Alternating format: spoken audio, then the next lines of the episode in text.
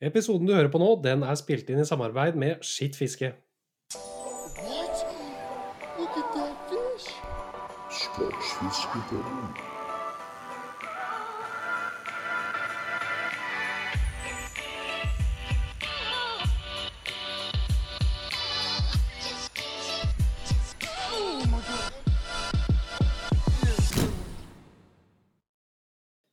Hepp, hepp, alle fiskefolk. We are back. Bedre, bedre sent enn aldri, er det lov å si det? Uff, nå har det vært lenge siden, altså. Veldig. Det, det er jo nesten egentlig Ja, det er bare Beklager at det har tatt så lang tid, men uh, du har hatt mye NJFF, jeg har hatt mye annen jobb, og så det har dratt litt ut, rett og slett. Ja, Men nå er vi her. Litt i ett. Men nå, nå er vi tilbake her. Eh, og sommeren står for tur, egentlig. Rett og slett. Mhm. Så det her blir uh, siste ordinære episode for sommeren. Og så prøver vi å ta en liten sommerferie. Så vi håper jo at denne episoden uh, ja, kan bringe dere litt god sommerfølelse og fiskefølelse, da, ikke minst. Får håpe det. Nå er det jo blitt en stund siden, som sagt, vi hadde episode, så det har jo skjedd mye på fiskefronten, eller konkurransefronten, at man kan si det sånn. Ja, nå var jo Stage 2 på Hemnes for tre uker siden, cirka. Husker jeg Ja. ut. Og så var det stage 3 på Tyrifjorden i går. Ja. Så harde stager, begge to. Vi måtte jobbe som faen sist gang. Endte på sjette. Sjetteplass, ja. Mm. Så Men også havna vi på sjuende på Tyrifjorden i stage tre til slutt, etter mye klabb og babb før vi fant løsningen der, og så fikk fylt lista på de siste fem minutter, rett og slett, før det vi bare måtte rushe tilbake over på bumpy ride over uh, Tyrifjorden. Uff, det var fælt, altså. Jeg tror jeg har vondt i ræva ennå. Ja, det, nei, det var en skikkelig tur tilbake. Altså. Det begynte å bli litt bølger, så det, det dro på. sånn, ja, det er en sånn tidsfrist man skal være inne til, så ja, vi måtte nesten bare gønne på. Vi var inne ett minutt før vi skulle være inne, så det var, det var på hengende håret. Ja. Nei da, men det gikk så Det gikk da helt greit, så da havner vi på sjuende og ligger nå totalt på sjette. Sjetteplass. ja. Sjetteplass totalt. Så har vi jo til Øyeren, da, Øyeren igjen. i slutten på august. Det Når da det skal skje. Så det må jobbe hardt da. Da må det jobbes, gjøre gode forberedelser, bruke den tida vi har til å finne ut, finne ut litt. Eh, ja. Og, men jeg tror det blir bra. Altså. Jeg tror jeg gleder meg til Øyeren. Den tror jeg Ja. faktisk blir ganske kult. Og vi ligger uh, Vi har fortsatt gode muligheter til å gjøre det bra. Altså. Vi har det. Så vi se fram til det. Ja. Men i dag skal vi jo prate om noe helt annet enn eh, gjedde og abbor og predatorfiske. Det Vi skal stemmer. ta, ta turen til, eh, til våre vakre norske elver og prate om eh, laksefiske. Yes. no, no, no, no. Oi! Velkommen til dagens gjest. For å si det sånn, jeg lover å oppføre meg bedre enn Donald Trump. Jeg sier ikke hvor mye bedre, men eh, bedre i hvert fall. Yes, i dag så er det nok en laksefisk som står på planen. Vi har prata om ørret før. Nå er jo eh, det tid for denne sølvblanke laksefisken som går opp i våre elver.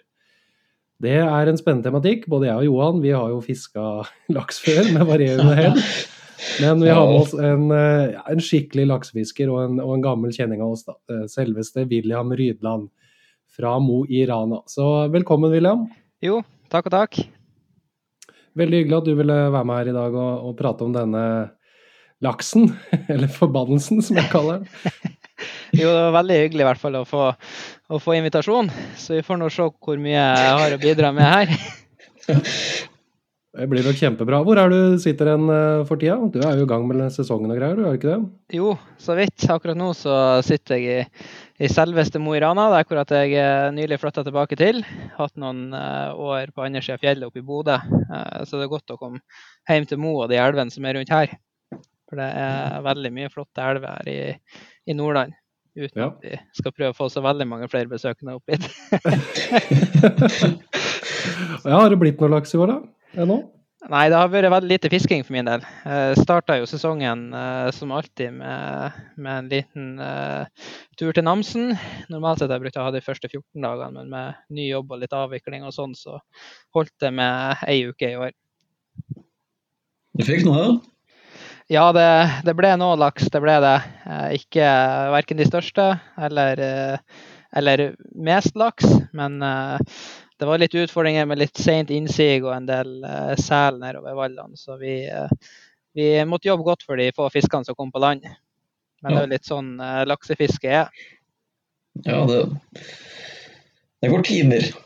Ja. Timer og timer. Timer og timer og timer, ja. ja. Nei da, det er men eh, et veldig spennende fiske, da. Eh, hvem er du, William? Hvor gammel er du? Og, og Oi. sånne ting? Hva- Hva er bak... Oi! Hvor, hvor skal vi begynne? Hvor skal vi starte? Nei, du, det, jeg er 25 år. Jeg er født og oppvokst i Mo i Rana. Fiska egentlig eh, helt siden jeg var liten gutt sammen med pappa og bestefar. Starta som sikkert de aller fleste andre med, med mark og brunørret. Og beveget meg eh, egentlig derifra og over til eh, en del sjøørretfiske og smålaks. Jeg tror første, første laksen jeg fikk når jeg var en åtte-ni år, og da var egentlig eh, egentlig den ruta der satt, kan vi si. Det hjalp ikke, hjalp ikke mindre til med at eh, vi kjøpte oss ei hytte der hvor det er i Smålakselv, der hvor det var også ganske storvokst sjøørret. Så da gikk egentlig ruta fra, fra mark til eh, sluk og fluefiske, selv sjøl om de aller største ble nok kanskje tatt på mark den tida der. Eh, videre sådan så satt jeg plutselig og så på TV-en og kom over ei skole som heter Sportsfiskerlandslinja. Så på et par uker da så ble det bestemt at man skulle eh, som 16-åring flytte ned til Grong og starte på Sportsfiskerlandslinja. Der hvor man kanskje tok eh, fiske et eh, steg videre. Ja, det kan man si. Når man går der, så, så beveger man seg liksom uh, ut, på, ut på en annen- ny is, da. Ja, veldig. Spennende is. Hobby blir plutselig hverdag. Ikke sant, er det med det. Og uh, vi hadde jo noen fantastiske år der, eh, alle tre. Vi trenger ikke å gå mye, så mye inn på det, men det ble i hvert fall mye laksefiske der òg, da. Ja, uten, uten tvil. Var det der liksom du fikk eh, Du sier at du vokste opp eller, og fiska mye i smålakselver og sånne ting, men eh, var i Namsen den virkelige interessen for laksen eh, slo til? Jeg husker, Du fiska jo mye laks. Ja, laks. gjorde det. Nei, altså sånn Det var vel kanskje litt mer fokus på sjøørret for min del. Sjøørret og sjøfiske, og selvfølgelig en del laksefiske før jeg begynte i, i Grong. Men det var kanskje der at man på en måte begynte å utdype seg litt mer, kan man kanskje si da. Jeg hadde jo fiska med enhånds og så vidt prøvd å kaste med tohånds før jeg flytta nedover. Men jeg husker, husker første lakseturen. Da skulle vi opp på Gjørem sone 3. Og jeg hadde plukka med meg en svær tohånds fra utstyrsrommet der og stilt meg i kraftig nedstrøms vind der og så skulle begynne å kaste med tohånds uten å ha noe greie på hva man holdt på med. Så den stanga der den ble fort markert på land, og så var man over på sluken igjen, Ja. kan man kanskje si. Så det var jo egentlig at det var derifra at uh, man fikk mer og mer mestringsfølelse, og ikke minst at det var mye fokus og, og mye miljøer rundt fluefiske på, på skolen, og man tok det et steg videre. Mm. ja, for det er jo, altså Laksefiske er jo fellesskap på, på veldig mange måter. I hvert fall den fluefiskinga. Sitte i, sitte i de gapaukene og fyre bål og drikke kaffe, og så ta en runde, og så ut og fiske og ja. Mm. Det er jo rett og slett kultur, egentlig. Uten tvil. Og det er jo det kanskje jeg syns også er noe av det bedre med laksefiske. Det er nå det at man det er aldri noen fasit, man blir aldri utlært. Eh, Og det er enormt mye folk rundt i miljøet man kan eh, hente erfaringer fra.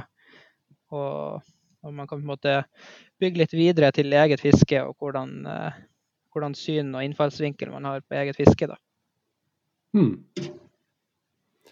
Veldig spennende. Hvis vi begynner på Ja, vi kan jo begynne med taktikk, da. Hva er det liksom Ok, nå, nå har våren gått, du er fiskekåt som faen, og laksen kommer inn mot kysten. Hva, hvordan legger du opp sesongen din og valga du gjør, da? Oi, den er, den er er vanskelig. Nei, altså sånn, Det aller aller eh, fleste sesonger for min del starter gjerne i Namsen på 1.6. Gjør det. Eh, Og da er det i hovedsak haling og båtfiske. Eh, Men hvis jeg skal måtte starte helt i den eh, gropa med planlegging, så, så er det litt vanskelig å si. Det er det. Jeg bruker ikke å sette opp hele sesongen min til ei fast rute. At den helga der har jeg den elva, eller den helga her har jeg den elva. Jeg bruker også å variere litt i forhold til eh, forhold, innsig, eh, fangststatistikk, hvor det er vann, rett og slett. Det er jo det er litt kult med Nordland. Du har jo sinnssykt eh, mange elver, egentlig, på et, på et ganske lite område. Og det er jo igjen mange forskjellige nedbørsfelt og mange forskjellige fjell. Så du kan jo finne vann i en time ene veien, men ikke vann en time andre veien. Så man må egentlig ha kortene litt, eh, litt løst, kan man si. Eh, så, så I år eksempel, så har det starta ganske tregt i Vefsna, og på torsdagen nå så starta det sesongen i Ranelva. Det kan være eh, helt annet forhold her i Ranelva enn det på andre sida av fjorden, kan du si. Hm. Høres ut som et fint sted å fiske, da. Å liksom kunne bare bevege seg litt hitten og ditten etter forholda. Egentlig. Nei da. Men, eh, men igjen, når det kommer til laksefiske, man må, man må egentlig bare eh, bruke de, de erfaringene man får underveis i sesongen, Mm. tenker jeg.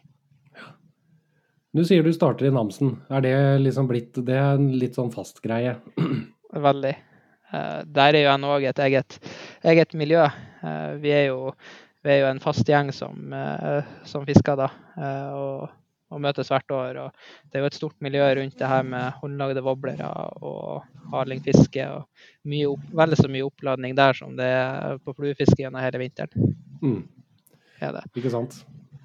Ja, for det wobblegreiene også har jo blitt jækla stort. Sinnssykt stort. Ja.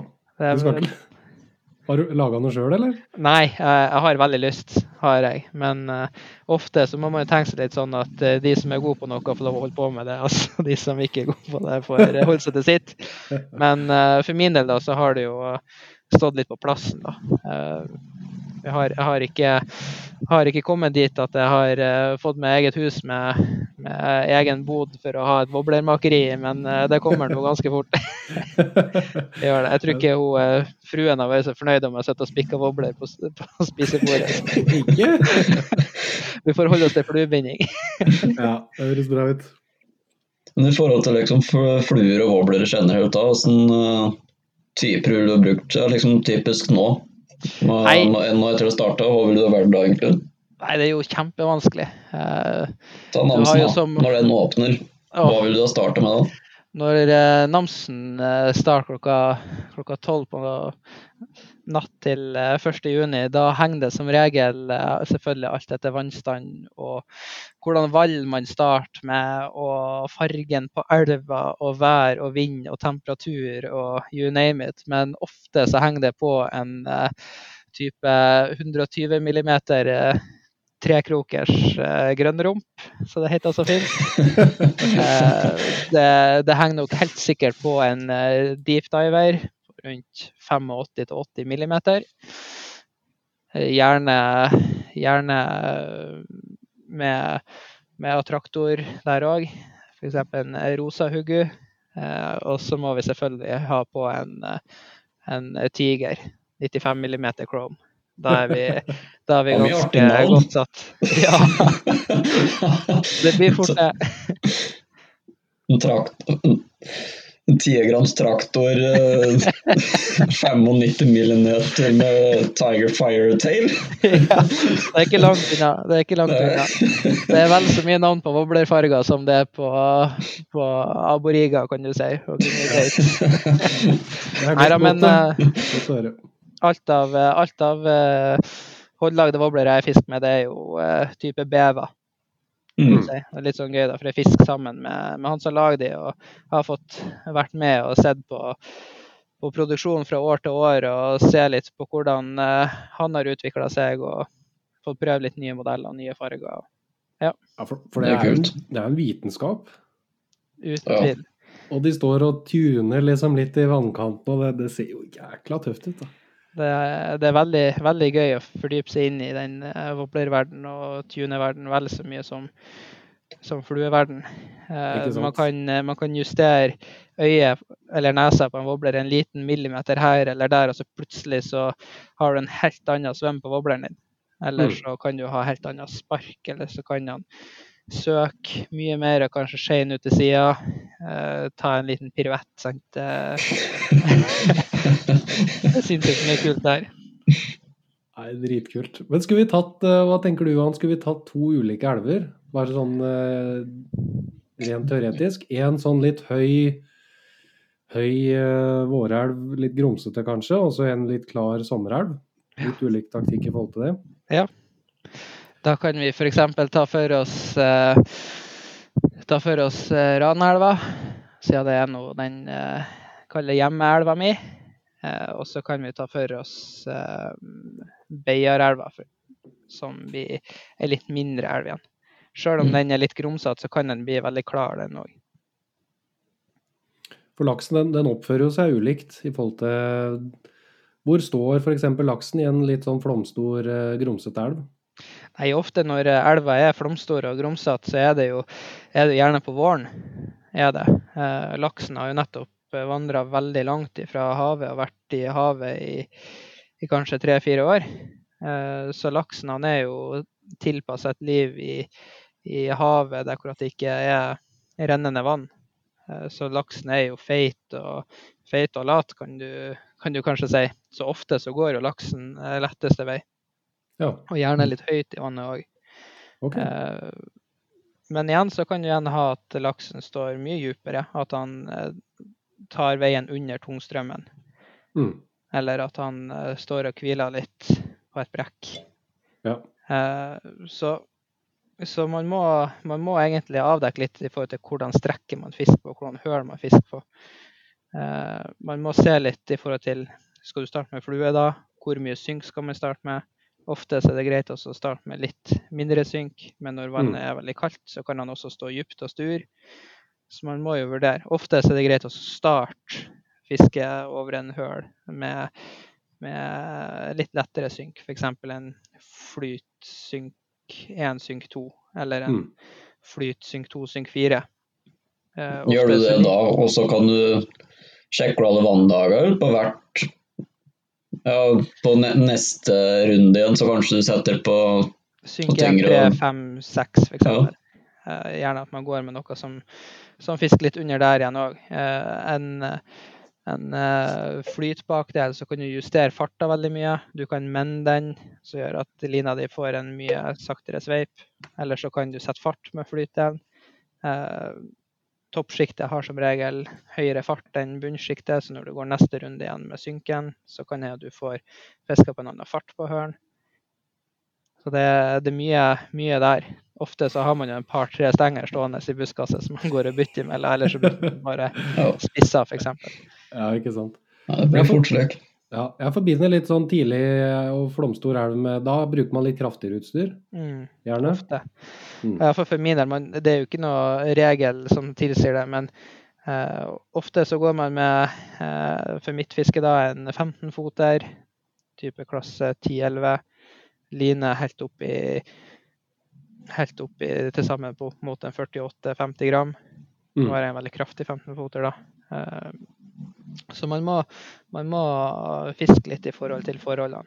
Ja. Er det, ei elv som normalt sett renner 40-50 kubikk, og så renner hun 150 på, på vårelva, så må man ha en litt tung 15-foter og et ordentlig synk for at man skal klare å komme seg, komme seg ned til laksen.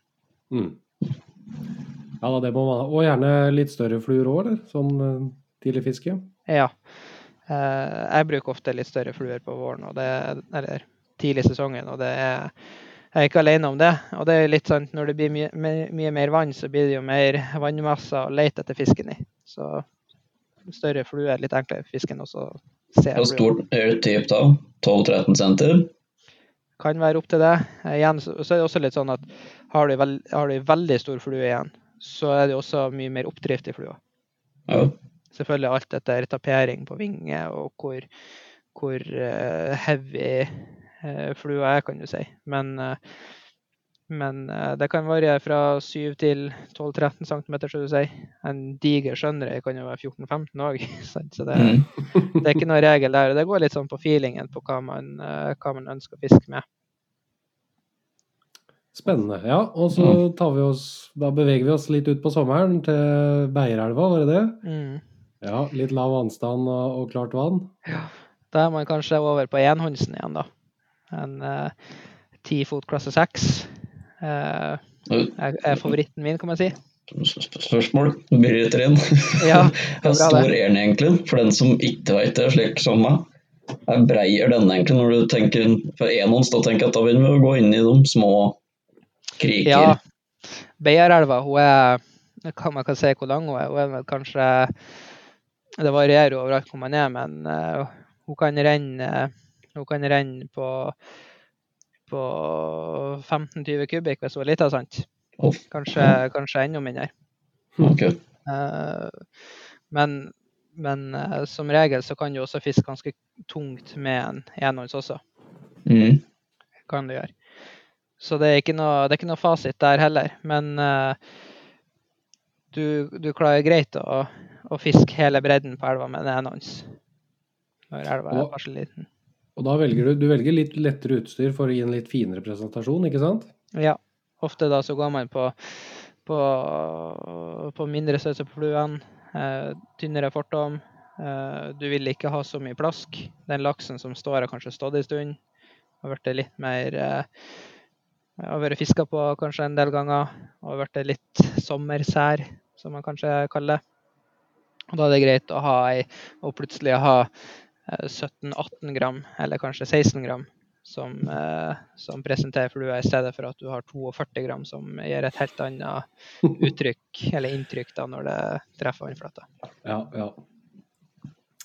Kult, spennende. Og fisken, da, hvor står den eh, standen ofte?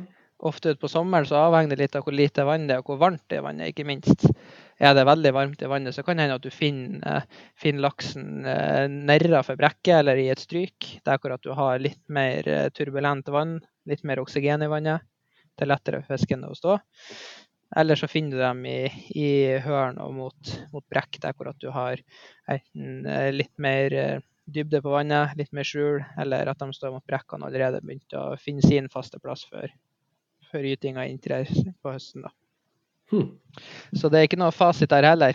Eh, man må nesten, eh, må nesten bare være på elva og oppgjøre sin, sin egen, sin egen, eh, sin egen eh, Mening. inntrykk av det. Mening, takk. Nei, det er det jeg husker òg med, med laksefisk. Altså, det, jo, det gjelder jo for så vidt andre typer fisk òg, men det, det er ikke noe fasit. Det er liksom hele tida å prøve og feile litt, og så finnes det jo noen sånne overordna hovedregler kanskje som man kan følge, men eh, Mm. til syvende og sist så kan man gjøre veldig mye forskjellig. Altså. Det er jo de her retningslinjene da, så du, som du er inne på, som man kan ta utgangspunkt fra. eh, og ikke minst at man må jo lære, i forhold, lære fra de som, eh, de som kjenner elva, de som har fiska i elva i mange mange år. Mm. Og hente mest mulig informasjon fra de, sånn at man kan ta utgangspunkt og, og finne sin egen greie, rett og slett. Det er et veldig godt tips. Mm. Vi kan jo gå litt mer inn på forhold. Eh, tidspunkt på døgnet, når foretrekker du å, å fiske? Er, du- er du oppe kjempetidlig om morgenen? Ja, du er det, vet du. Ofte så kan det være det. Jeg bruker å si at eh, beste tidspunktet å fiske på er når du har tid. Ja, godt poeng. Godt poeng. Eh, og ikke minst fisk eh, når andre ikke fisker. Ja. Det er rett og slett for at jo mer ro laksen har fått, jo bedre. Og da er gjerne de her morgensrundene eh, veldig fine. Om morgenen da er klokka fire? For eksempel. Eh, Ja. men, men det er ikke noe sånn at du må ut grytidlig og du får mer laks da enn du har fått klokka, klokka fire på ettermiddagen. Men, eh, men det, det er veldig mange aspekter man kan ta, ta stilling til der. Du kan ta stilling i forhold til når, når sola står på det sterkeste. Da er det ikke sikkert det er like enkelt. Da kan det være greit mot kvelden igjen når det blir litt mer skjømt. Eller så kan du ta forhold til når fisketrykket er i forhold til andre fiskere. Mm. Men eh, det som jeg kanskje tenker absolutt mest på, det er i forhold til flo og fjære. i forhold til eh, hvor mange timer tar det fra ny fisk har gått på floa, til fisken treffer eh, val- du er på, rett og slett. Ja, ok. Ja, for fisken den blir trigga. Den står ute i munninga, og så føler den at der, nå kommer det vann. Og så rett og slett vandrer den på det, da. Ofte, ja. Når du da gjør den der regninga der, åssen regnestykker bruker du? Yes. Har du, har du penn og papir foran deg? Nei, du, det, det er erfaringsbasert, eh, rett og slett. Mm. Hvis du i elv som er kjempe, kjempelang, og du er langt oppe, så er det ikke sikkert du tar like høyde for det. Men hvis du i f.eks. sånn som Ranelva, der hvor det er ni km fra sjøen og opp til, eh, til eh, øverste vallet, så kan man Ja. begynne å tenke på flo og fjære.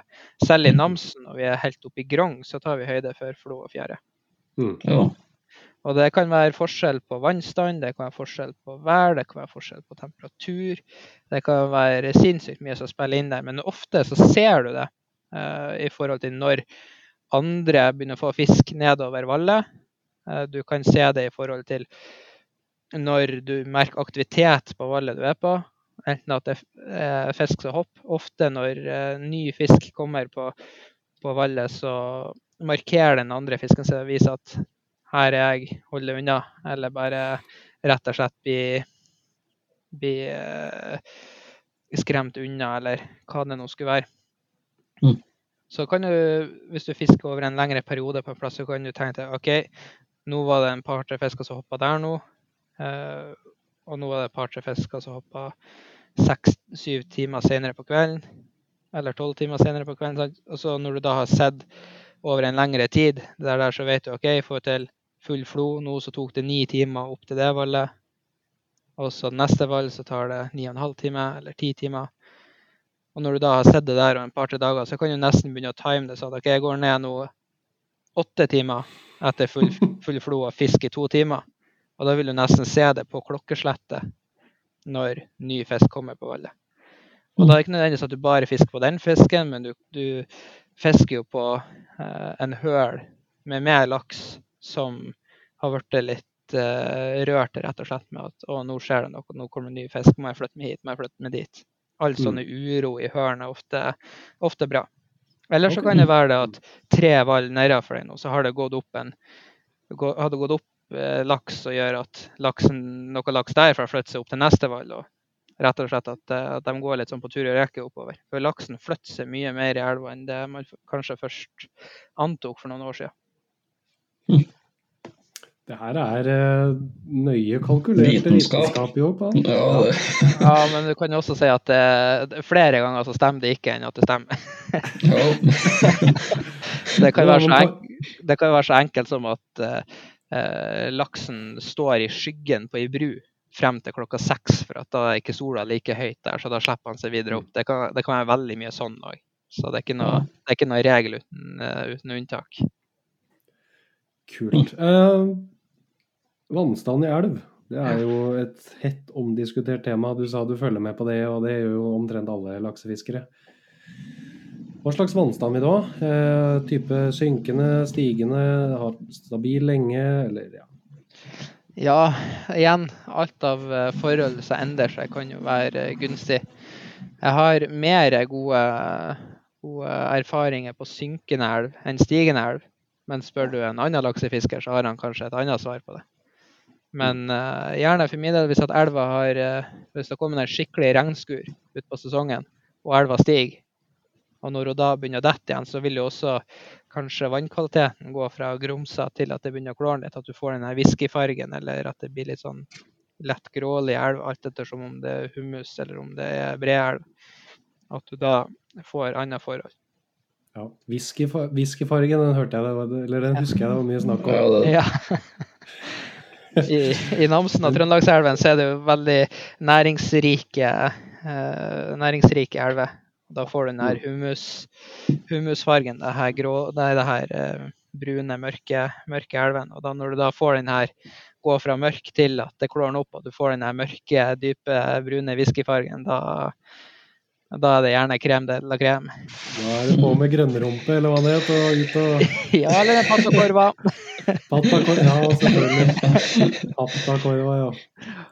Ja, men over, når, når vi først nevner fugler tørt, har du drevet noe med det?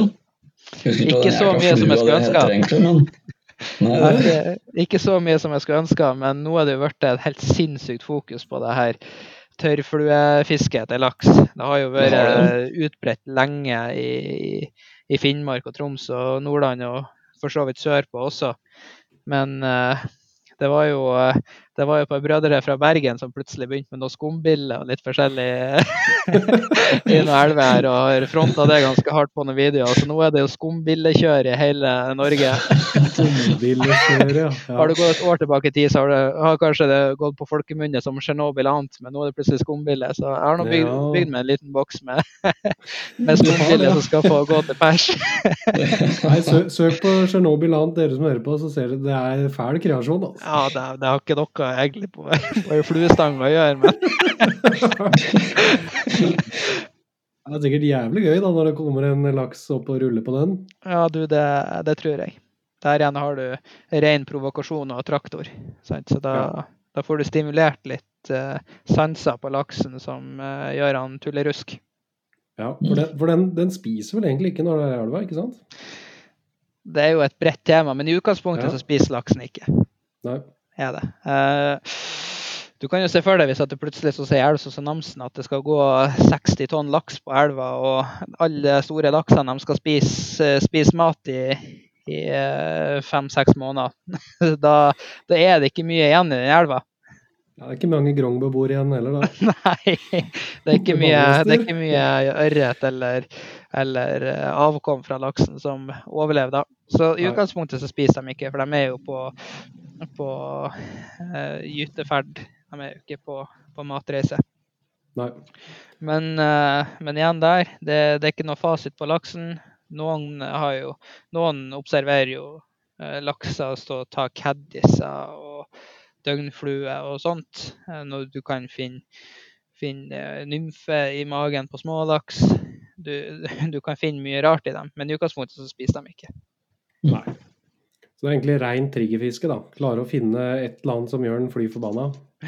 Enten så må du stimulere noen sanser der, eller så må du rett og slett eh, provosere. Ja. Men der ser jeg for meg, der har jeg liksom et lite bilde i huet på et hø- høl på fem-seks meter dypt. Det må være alt krem, og så bare kommer og så bare whippe ut en liten vibe. Og bare frese den litt der. Skulle tro det ble helt uh, onkel Moie nedi det hølet der. Jeg skal fortelle at kommer du med en, eh, med en G-fix eller noe sånt i en laksehull, så tror jeg det er noe som sparer. Det tror jeg. Ja, men akkurat det som står og fisker laks med vibe, det må da Hva faen? Det må da funke, det. Du kan jo se for deg om at du, du er på gyteferd, og så plutselig kommer det en sånn liten eh, vibrasjon opp i ansiktet på deg. Da, da smeller du kanskje der òg. Ja, jeg, jeg fiska i, fiska i Bølva da jeg bodde der. Da brukte jeg spinnerbait og sånn. Jeg, jeg fikk ingenting, da, men det også hadde jeg litt trua på. Mm, ja, Skal faen man ta med en laksetur i august med en boks med vibes. Det skal ha med. ja, det må bare komme. Ja. Ja, hvis vi beveger oss litt inn på utstyr, da. Um, vi kan jo dele det inn i flue og ja, type haspel-utrustning. eh, Jeg vet ikke om du bruker det samme til harling som du eventuelt gjør fra land, men det kan vi jo prate litt om. Uh, ja, hvis vi tar, Du sier du har med deg noen flere eh, flueoppsett. Hvilke si tre, to eller tre flueoppsett pleier du å ta med da, når du er ute og fisker? Ja, igjen sant. Er det, er det store, tunge forhold, så tar jeg ikke med, med lettere utstyr. Men det som kanskje henger på bilen til, en, eh, enhver tid, kan vi jo si, det er gjerne en eh, en eller to enhåndser. Da kan vi ta den ene, den som var litt inne på i stad. Da har jeg ei ti fot klasse 6 Harley Zenit. Ganske, ganske dyp, men, men eh, rask altså rask recovery på den stanga der. Veldig, veldig god å gå i trange situasjoner, eller om du har tenkt å loade den litt hardere og ha litt lengre arbeidsvei. Der har jeg gjerne et eh, klumpoppsett fra Obst har jeg. Det er jo en sånn eh, kort, kort skaggit med utskyttbare tipper. Eh, den bruker jeg gjerne på, på mindre elv, eller hvis at jeg skal presentere eh, små fluer. Eller hvis jeg skal fiske, fisk litt lettere, rett og slett. Eh, så kan vi gå videre på neste, neste oppsett. Der har jeg gjerne ei 13-fots fluestang. Eh, jeg bruker ofte en G. Loomis eh, Stinger GLX. Det er litt eh, eldre stang, men eh, det er ei virkelig fin, fin stang. Den er progressiv og, og ladda ganske, ganske dypt. Der går jeg gjerne med ei uh, eh, Hoover Intersync 3. Får fiska akkurat litt under tungstrømmen. Uh, Bakenden på, baken på klumpdelen tar akkurat tak nok til at du kan få justert farta sånn som du vil over hørn. Uh, Det er kanskje den, det oppsettet jeg går desidert mest med. Kan gå på stor elv med en 13-foter òg. Fisk, fisk de her eh, fine strømkantene og, og den stillere delen av, av, av hovedstrømmen. Um, ja, det er nok den stanga som står meg nærmest hjertet, den 13-fots stingen. Den tror jeg har sett. Ja, Det det, er den du hadde oppe i Grong. det kan stemme, det. Så neste oppsett er vel kanskje en Hvordan sneller du på, egentlig? Nei, det snelle, det har jeg, jeg har jeg jo et uh, utvalg i. Uh, men uh, så hvis jeg skal sitere en gammel lærer av meg, så er fluesnella den er der bare for å holde snøret. Jeg, eh, det er litt sånn hipp som happ. Jeg har, har egentlig en del sneller, og så har jeg litt forskjellige snører på de snellene, så bytter jeg bare snelle i forhold til snøret. Gjør jeg. Men eh, heller, heller bruk pengene på, på et stort utvalg med flueline i stedet for sneller, for at det er fluelinen som bestemmer hvor mye laks du får. Mm. Er det. Eh, og siste oppsettet er, en eh, skikkelig kastemaskin. Det er en 15-foter. En 15-fots CND Ultimate. Det er også Det er jo ei litt eldre sang. Det kom en nyere serie fra CND. Jeg var så glad når jeg kom over den stanga der eh, brukt på Facebook. Rett og slett. Det var ei stang som jeg har eh, fått prøvd eh, flere ganger av en enormt dyktig kaster her på, her på Mo. Eh, den stanga der den spiser egentlig det meste av tyngre line. Ganske flat topp, ladda dypt. Samtidig så, så jobber den veldig progressivt ned, eh, dypt ned i, i blenken. Der har jeg gjerne eh, litt lengre klumper. Er Mm. når jeg skal virkelig, eh, virkelig dra på litt. Grann. Da har jeg nå satt på den eh, klar for sesongen eh, Nextcast Salar Finder 45. Da er klumpdelen litt over 10 meter. Der har du, eh, der har du to densiteter. Gjerne en synk én en synk tre, og så en 10 fot spiss eller 12 fot spiss. Kanskje en Ja. synk 4, synk 6. Så du virkelig får komme litt ned og dratt helt i bunnsjiktet på hølen. Dere kjører klumper da, stort sett, ikke noe helliner? eh. Stort sett uh, går det i klumper. og Det er rett og slett for at uh, 98% av eh, fisket mitt består av speikast, eller vannkast, som det heter på godt norsk. Mm. Og da er det veldig greit å kunne, kunne jobbe den lina lett og effektivt ut. For at det blir veldig mange kast, timer, i, bak hver laks i, i, en normal, i en normal sesong. Og da er det greit å kunne stå med klumpoppsett og ikke stå og jabbe med det her VF-linen. Godt poeng. Skal vi bevege oss ut på Haspelutstyret, Johan? Jeg vet åssen fortommer jeg kan bruke først. Ja, det kan vi gå. Lange eller korte? Det kommer helt an på synkegrad og forhold. Eh, Synk 3. Hvis, hvis du har synk 3, så altså Jeg er jo en sånn eh, person som uh, bruker kortest mulig fortom.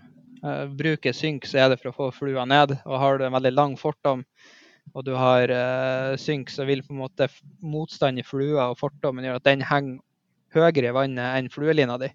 Og det er jo ikke Mm. gunstig i forhold til at fluelina di eh, sveip nesten dypere og mot laksen før flua di kommer. I tillegg til at, eh, at hvis laksen tar det, så har du ikke direkte kontakt med det her. Så igjen, alt etter forhold. Er det litt stor, grumsete elv, så kan det være en 60 cm fortom. Er det, er det lav, klar sommer, sommerelv, så kan det være 3 meter fortom på en lettere synk. Så der må man nesten bare gjøre litt observasjoner og, og føle litt på det. Ja. Fortomstykkelsen går jo, går jo veldig mye på det vi var inne på det her med om det er, er klår elv eller lav elv. Eh, men det som er desidert viktigst i mitt hode når det kommer til fortom, fortom og fortomstykkelse, det er fluestørrelsen. Hvordan flue du har. Har du ei lita størrelse 12 flue, krokflue, og du har en 0,43 fortom, så fær jo det her pinnestift i vannet. Og på en måte at flua heller følger snurren på fortommen i stedet for at eh, flua får danse fritt. Da vil du kanskje helt ned på ja, eh, nå banner kirka med 0,28 fortom, liksom. Ja. For det er jo uh, umåtelig sterkt. Det er bare litt stein og sånne utfordringer som kan være, være problemet. Ikke sant. Vi kan jo ta tre beste fluene, da, før vi går opp på um, spinnutstyr. Ja, det blir litt sånn Ei tidlig flue, én midtsommer og én slutten på sesongen. Siste turen på sesongen. Åh, tidligflue. Eh, da tror jeg vi, vi snakker en eh, litt større black green highlander. Eh, svart vinge, grønn flue, litt rødt i vingen der òg. Det er fint på tidlig, tidlig elven, syns jeg. Eh, Hvor stor er den? gjerne en eh, 9-10 cm. Kanskje enda større hvis det trengs, men der i høyde er det litt lettere å kaste, og du får jobba mer effektivt med det i elva. Eh, litt uh, litt uh, utpå sesongen så er vi på noe så lekent som en uh, shitey-whitey. Oi, oi. Det er, det er en eh, variant av en Derris shrimp. Eh, Den har cascade-oppbygning, litt mer olivent, litt mer fiery brown. eh, Innslag av, av oransje, brunt og gult i bucktail-halen. Litt sånn shrimpflue som ofte går veldig i ett med, med bunn. Sånn eh, farge- og, og tonemessig, da kommer litt mer brått på laksen. Man har kanskje ikke stått og sett på den de 400 kastene dine nedover høren, og, og den kommer litt mer eh, brått på. Og litt uh, utpå sesongen eh, Det er jo egentlig flue jeg bruker ganske mye da, men eh, litt utpå sesongen så vil du gjerne ha noe som eh, enten er lite og delikat, eller så vil du ha noe som provoserer. Og der har vi, hvis vi går med en eh, Hoover Intersync 3, og så setter vi på Det er jo egentlig flue jeg ikke har så lyst til å prate om, men Er det ikke? eh, Nei. Jo, den òg, for så vidt. Men eh, en uh, Mødler Sunray. En liten Sunray med mødlerhode. Dæven, det der, der når du dytter vannet og setter fart over høren, da er det nesten så vasspruten står etter, etter flua. Nei, kult. Det, er, ja, det høres ut som tre bra fluer. Nå søkte jeg på Shighty Whitey. Den er meget het, altså. Det var Ian Gordon som eh, introduserte meg for den flua der, og den har egentlig sittet ganske fast med meg etter det. Kult. Yes, Johan Aspel. Aspel, ja. Oljeklær, fot, kastevekter, snelle. Stor, liten. Ja, Haspel det er jo litt som å bannes i kirka, kanskje, for en, ja, eh, multi, da? En gammel eh, multiplikatorfisker. Men eh, jeg, bruker, jeg bruker alt. jeg gjør det. kan ta multi òg, det går an, det. Nei, jeg kan ta begge. Eh, jeg ta begge. fisker ikke med så mange forskjellige oppsett på det. Eh, Vi kan ta haling til å starte. Der bruker jeg jo gjerne 11-12 fot stenger opp til, opp til en ja, 60-70 gram. Det som er viktig der, er at du har stenger som er ganske lett i toppen. Så du ser godt hvordan wobbleren eh, jobber strømmen, om du, om du ror for hardt. At, eh, at eh, wobbleren står og, og slår for hardt i strømmen, for det er gjerne ikke bra. I tillegg til at du skal lett kunne se, se om det havner skit på wobbleren, at wobbleren slutter å svømme, rett og slett. Eh, og ikke minst at du vil se tidligst mulig når laksen tar. Der bruker vi gjerne eh, litt større multiplikatorsnelle. I hvert fall så du har litt over Burde ha over 200 meter snøre. Vi har jo bare en 12-13 meter snøre ute, kanskje, på det aller lengste. Eh, men en laks som, eh, som tar, han setter jo ganske han, han setter jo ganske mye fart på snella når han drar, drar ned nedover, så du burde ha rundt 200 meter i hvert fall. Eh, jeg er veldig glad i de Tekota 600-snellene. De med lineteller. Mm. Rett og slett for å ha kontroll til enhver tid på hvor langt ute snørene eller voblerne dine er, og at man også skal kunne, skal kunne eh, ha nok snøre til å kunne stoppe en laks. Og da får du vel litt i underkant av 300 meter med 0,45 nylon. Og der, nylon, det her multifilamenten, han eh, blir rett og slett for statisk. Så laksen han får gjerne ikke til å snu eh, like greit som han gjør. Og du får et godt krokfeste på. Ja, for det er lett for å riste seg av hvis det blir kjøremulti? Ja, det er mye, mye strøm i elva, sant? og det er en laks med mye, altså en fisk med mye headshakes og en kraftig fisk. Så ofte så blir enten at han, hvis han ikke sitter så godt, så sliter han det sunt, eller så blir på en måte det her eh, kroksåret i munnen det blir såpass utvida etter hvert at kroken detter ut ganske lett. Mm. Men eh, igjen, der må man se.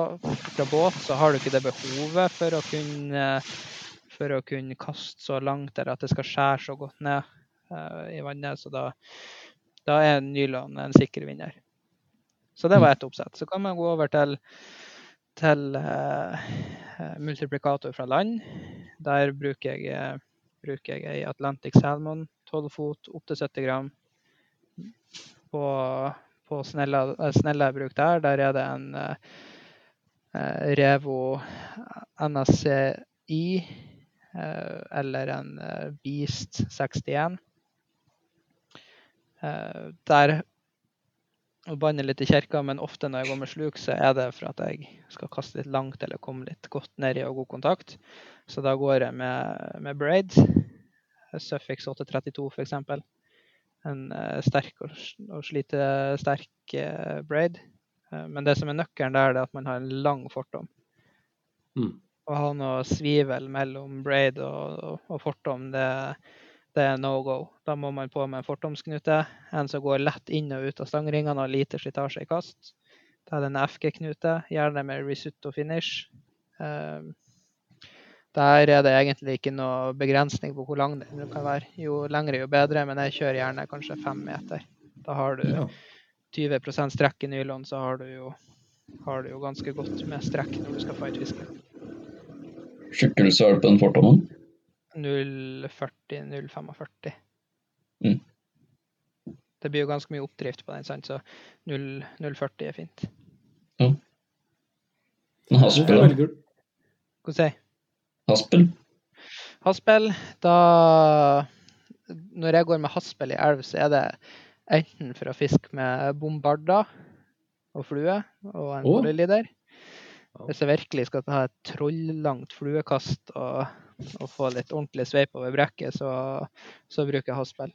Uh, ellers er det for å kaste håndlagde woblere fra land. Mm. Det er veldig, veldig tøft å gå med sånne små woblere i, i små, små elver. Er skikkelig tøft. Eller større elver. Og Du velger det egentlig, velger egentlig eh, multi over haspel, da. Ja, ofte, men det, men det er sånn personlig preferanse. Det er litt med at ehm, det var, Jeg ble innprinta ganske tidlig med at ambassadør, det er tingen. Så for han som heter ambassadørboy på fiskesiden da var tolv år, han, han sitter ganske dypt i det her med multiline. Multisnelle, rett og slett. Eh, Men litt av utfordringa òg med haspelsnelle på laks, er at hvis du skal ha nylon, og du skal ha haspelsnelle, så blir det fort en størrelse 8000 for at du skal ha 200 meter med 0,40 eller 0,45. Ja. Det er heavy shit. Det er tungt å stå med. Det er skikkelig tungt å stå med. I tillegg så har du, har du jo mer eh, motstand i, i kastet på en, eh, på en hasp eller med en multirulle. da. Så du vil jo, du vil jo gjerne ha noe som er kompakt og, og kaster langt, når du vil kaste langt. Mm. Men, eh, men når jeg går med hasp fra land, så er det på de områdene der hvor at en multi, multisnell er ikke strekker til. Og det er når du skal kaste wobblere fra land, og når du skal fiske med, med bombarder. Og da går jeg egentlig med sjøørretoppsett. Ja. Det gjør jeg. Eh, Da er det 10-11 fot, eh, 10-30 gram, 14-40 gram ish der i øyet. Eh, Viktig at du har noe som, eh, som eh, jobber godt med wobbleren, og gjerne en litt flatere topp, sånn at det er aksjon i stanga som, som ladder wobblerne, rett og slett. Og så må man driste seg litt ned på linetykkelsen. Mm. Der òg. Lang fortom så du klarer å, klarer å jobbe med. Gjerne på wobblerfiske fra land så bruker jeg eh, 1,5 stanglengde. Det begynner vel fort en 4-4,5 meter. Mm. Blir det. Så tynn, tynn uh, linesutør. Jeg går med 0,18, gjør jeg. Men da er jeg eh, kjempesikker på det jeg gjør med at fortommen eh, er bunnsolid, og knuten er bunnsolid, og du fighter laksen sånn som, sånn som eh, man ellers ville fighta den, og er litt mer eh, påpasselig med hvis laksen begynner å gå bak stein, og litt sånn at man følger med etter eller springer opp etter, eller hva som skulle være. Veldig bra. Men det var jo supre utstyrstips. Eh, enden av lina, da. Hvis du skal dra fram Nå er jo klart det er litt mer variasjon mellom wobbler og sluker og sånne ting. Hvis du klarer å trekke fram tre, tre ting du setter på på tidlig på sesongen, midt på sesongen og seint på sesongen. Ah, ei, ei, ei. ai.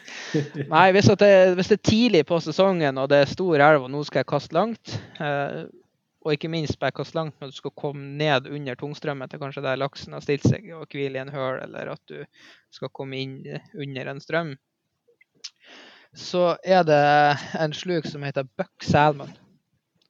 Det er en veldig tradisjonell sluk. Eh, Den ser litt ut som en salamander, hvis dere er kjent med den. Bare at den har enda litt mer knekk baki på skjea.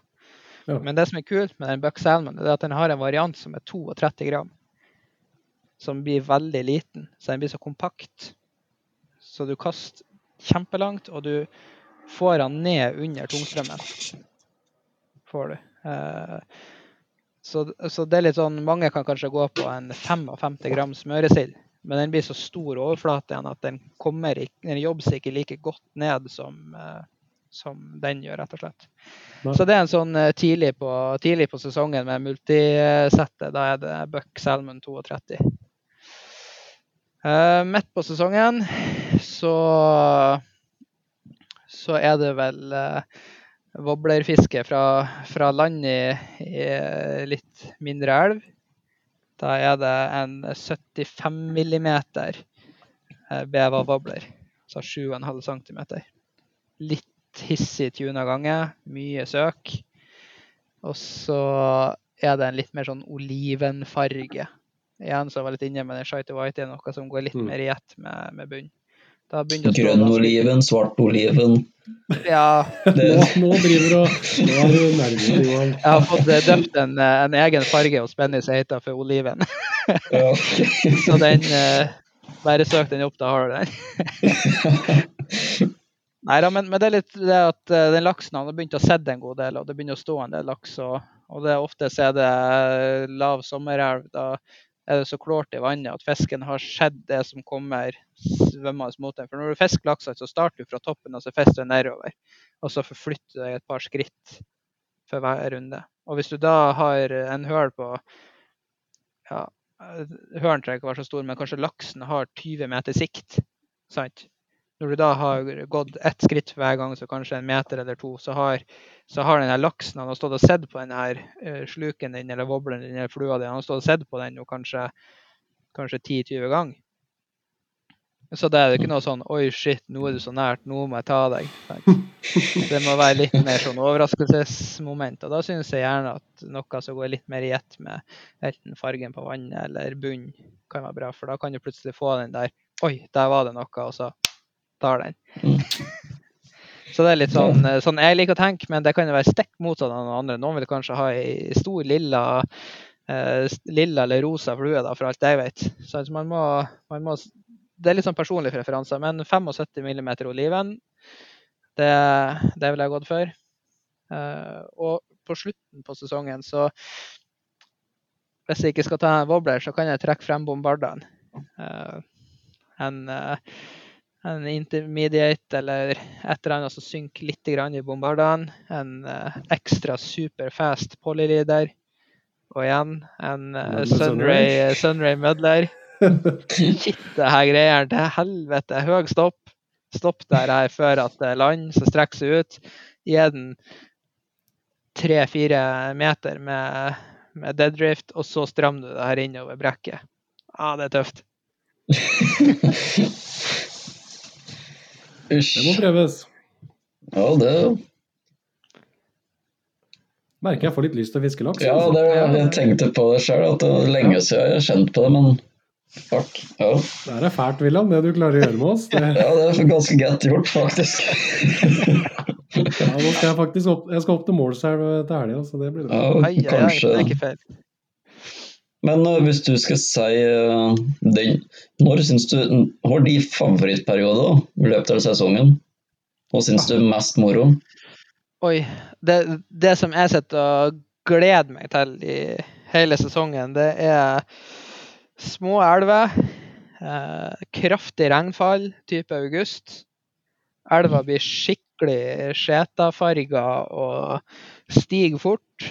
Laksen som har stått i den tørre munningen, han bare kjenner eh, ferskvann gjennom nesa. Og det her, her det skal han være med på. Nå skal han opp på frierferd. Fær oppover elva, stille seg i en høl. La det gå en liten dag. Elva begynner å synke etter regnet. Du får den berømte whiskyfargen, eller at det begynner å klåne litt. Grann. Der står det en liten luring med enten enhånds eller ei haspelstang med en eh, 55 mm wobbler. Ja, det, jeg kjenner jeg kjenner forståpen. det, er, det er drømmen. Da har du Skal vi rett og slett bevege oss ut på siste del, Johan? ja, det kan vi gjøre. Er det En som har fiskeskrøner, så er det da William, i hvert fall. Kom med det verste du har.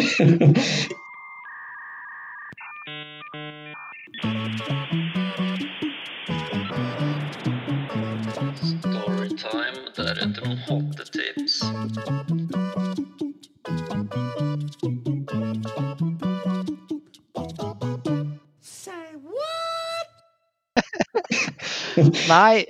Eh, denne historien er ganske bra, for den er helt sann. Det er sånn alle de største fiskeskrønene starter. Nei, du, da, da var jeg i Vefsna i lag med en uh, veldig uh, god kompis av oss alle tre, han eh, Julian, uh, Julian Røss. Mm. Da sto vi på sone 9, Eiteråga i Vefsna.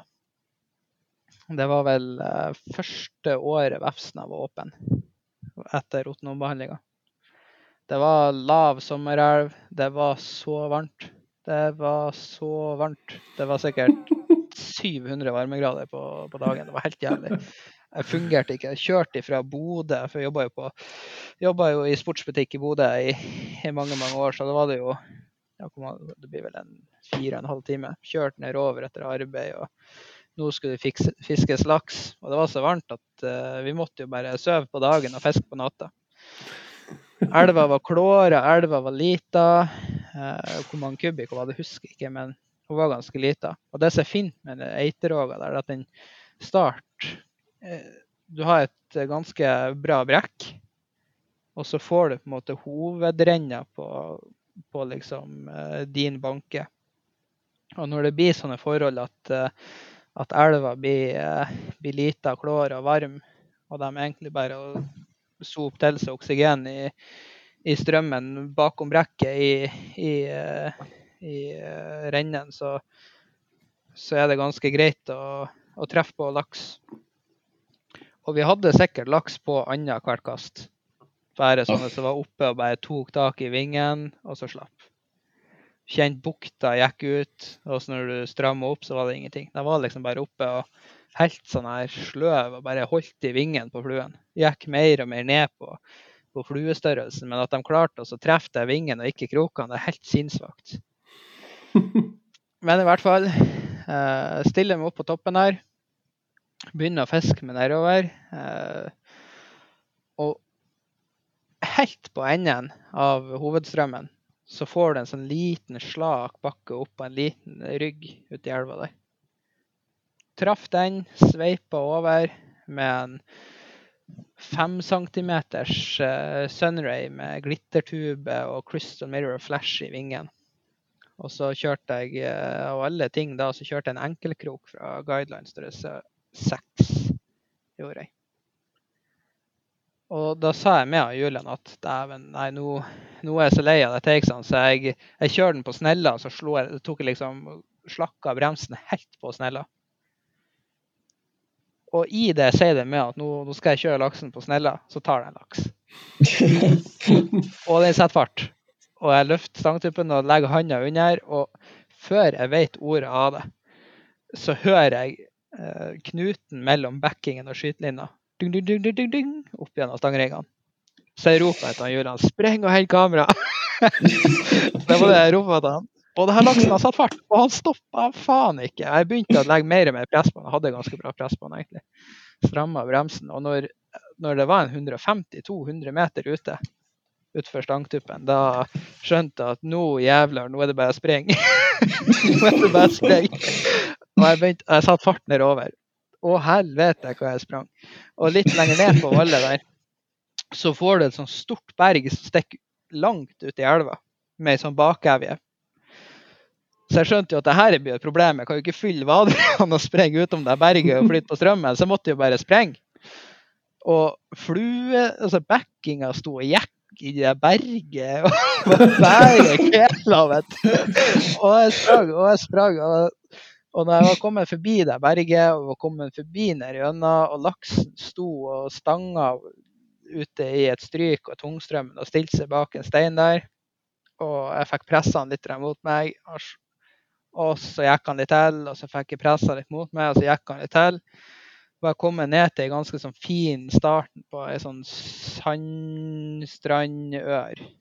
Og begynte å få egentlig laksen ganske greit driver mot meg, så bare slapp det. Jeg gjorde. Her kommer, her kommer flua opp. Like fin, kroken kjempefin. Bare, bare slapp. Og da var jeg, da var jeg så oppgitt. Jeg, var, jeg eh, ble faktisk ikke sur. Jeg bare ble litt sånn flirfull og tenkte ja, det var noe gøy. Jeg har aldri vært borti noe sånn. Jeg har vært borti utras på 170 meter på Harling og 1100 kubikk elv, men det der er det råeste jeg har vært borti.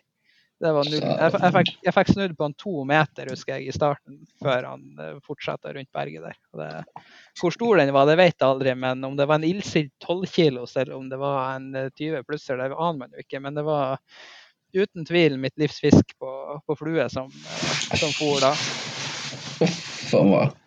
Så da for jeg etterpå og tok meg en trøstefisk på første kastet på sluk, 8 kilo. Men, eh, Ja. Ja, ja, det er men det, var, det, altså. Det, var, det var uten tvil eh, Det var den som, eh, som, sitter høyest der. Men det som var litt artig, det var det at når jeg hadde 200 meter ute, så sto jeg på sida av en stein. En litt større stein. Og den uh, merka jeg opp på gule sider. Og så helt ned på starten på den der eh, sandstrandøra jeg sto på når den slapp. Og da hadde jeg sprunget 472 meter, og så hadde jeg 200 meter snøre ute. Så det var jo Oh, shit. greit over 600 meter eh, den der laksen hadde dratt. da. Så det var, det var gøy. Det er det råeste jeg har vært borti. Det er brutalt. Det er det. Så det var ei fiskeskrøne. Ja, fy faen. Det hadde vært tøft å oppleve det. Så jeg fikk også kommentarer etterpå når kompiser at nei, det der tror de ikke noe på, for at du hadde aldri kommet til å sprenge 472 meter. Men i nøden spiser fanden fluer, ikke det de sier? Jo, jo, har du en storlaks i en av snøret, så gjør man nesten hva som helst. Nei, dæven bra. Tre gode tips til slutt da, William. Har du det? Uh, ja, tre gode tips. Eh, hvis jeg skulle snakka med en eh, yngre versjon av meg sjøl, så hadde jeg kommet til å ha sagt eh, fisk. Fisk når du har tid. Så ville jeg ha sagt fisk der de andre ikke fisker. Er det et vall med masse folk, så ikke fisk der. Fisk på et annet vall der hvor du har trua. Og så siste tipset tror jeg ville ha sagt en yngre vers- versjon av meg sjøl at husk hvorfor du fisker. Ikke, ikke fisk pga. at at du har lyst på spons, eller at du har lyst til å ha en stor fisk på sosiale medier, men fisk fordi at du, du liker det du holder på med, og fisk fordi at du, du eh, vil ha et avbrekk i kanskje en ellers stressende hverdag, eller ja, finne ut hvorfor du har lyst til å fiske, og, og gjøre det pga. det, ikke pga. noe annet. Gode tips. Var det. Veldig gode tips. Ble litt varm i hjertet, jeg kjente jeg nå på siste. Det er jo fantastisk.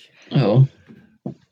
Fantastisk. Det er veldig bra, William. Tusen hjertelig takk for, eh, for denne praten. Da. ja, fanken. Kanskje han må vurdere å prøve seg på laksen igjen? Med vibe, Jo, for så vidt. Kan prøve flue òg, da, Johan. Er jo lov, Nei, jeg har, jeg har stanga ennå. Du har solgt inn, så det er verre for det. Men jeg har det ennå.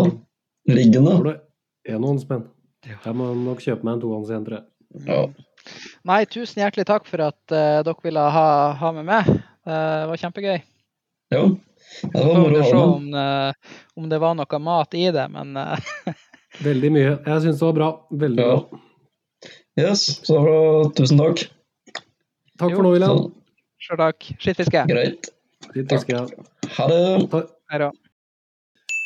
Da. Var dagens episode slutt. Eh, Vi i Sportsfiskepodden vi vil bare takke for at du, eh, du fulgte med og hørte på oss. Eh, Hvis du syns vi gjør en bra jobb og har lyst til å være med i trekninger av diverse goodies, så bli medlem på vår Patrion, Sportsfiskepodden.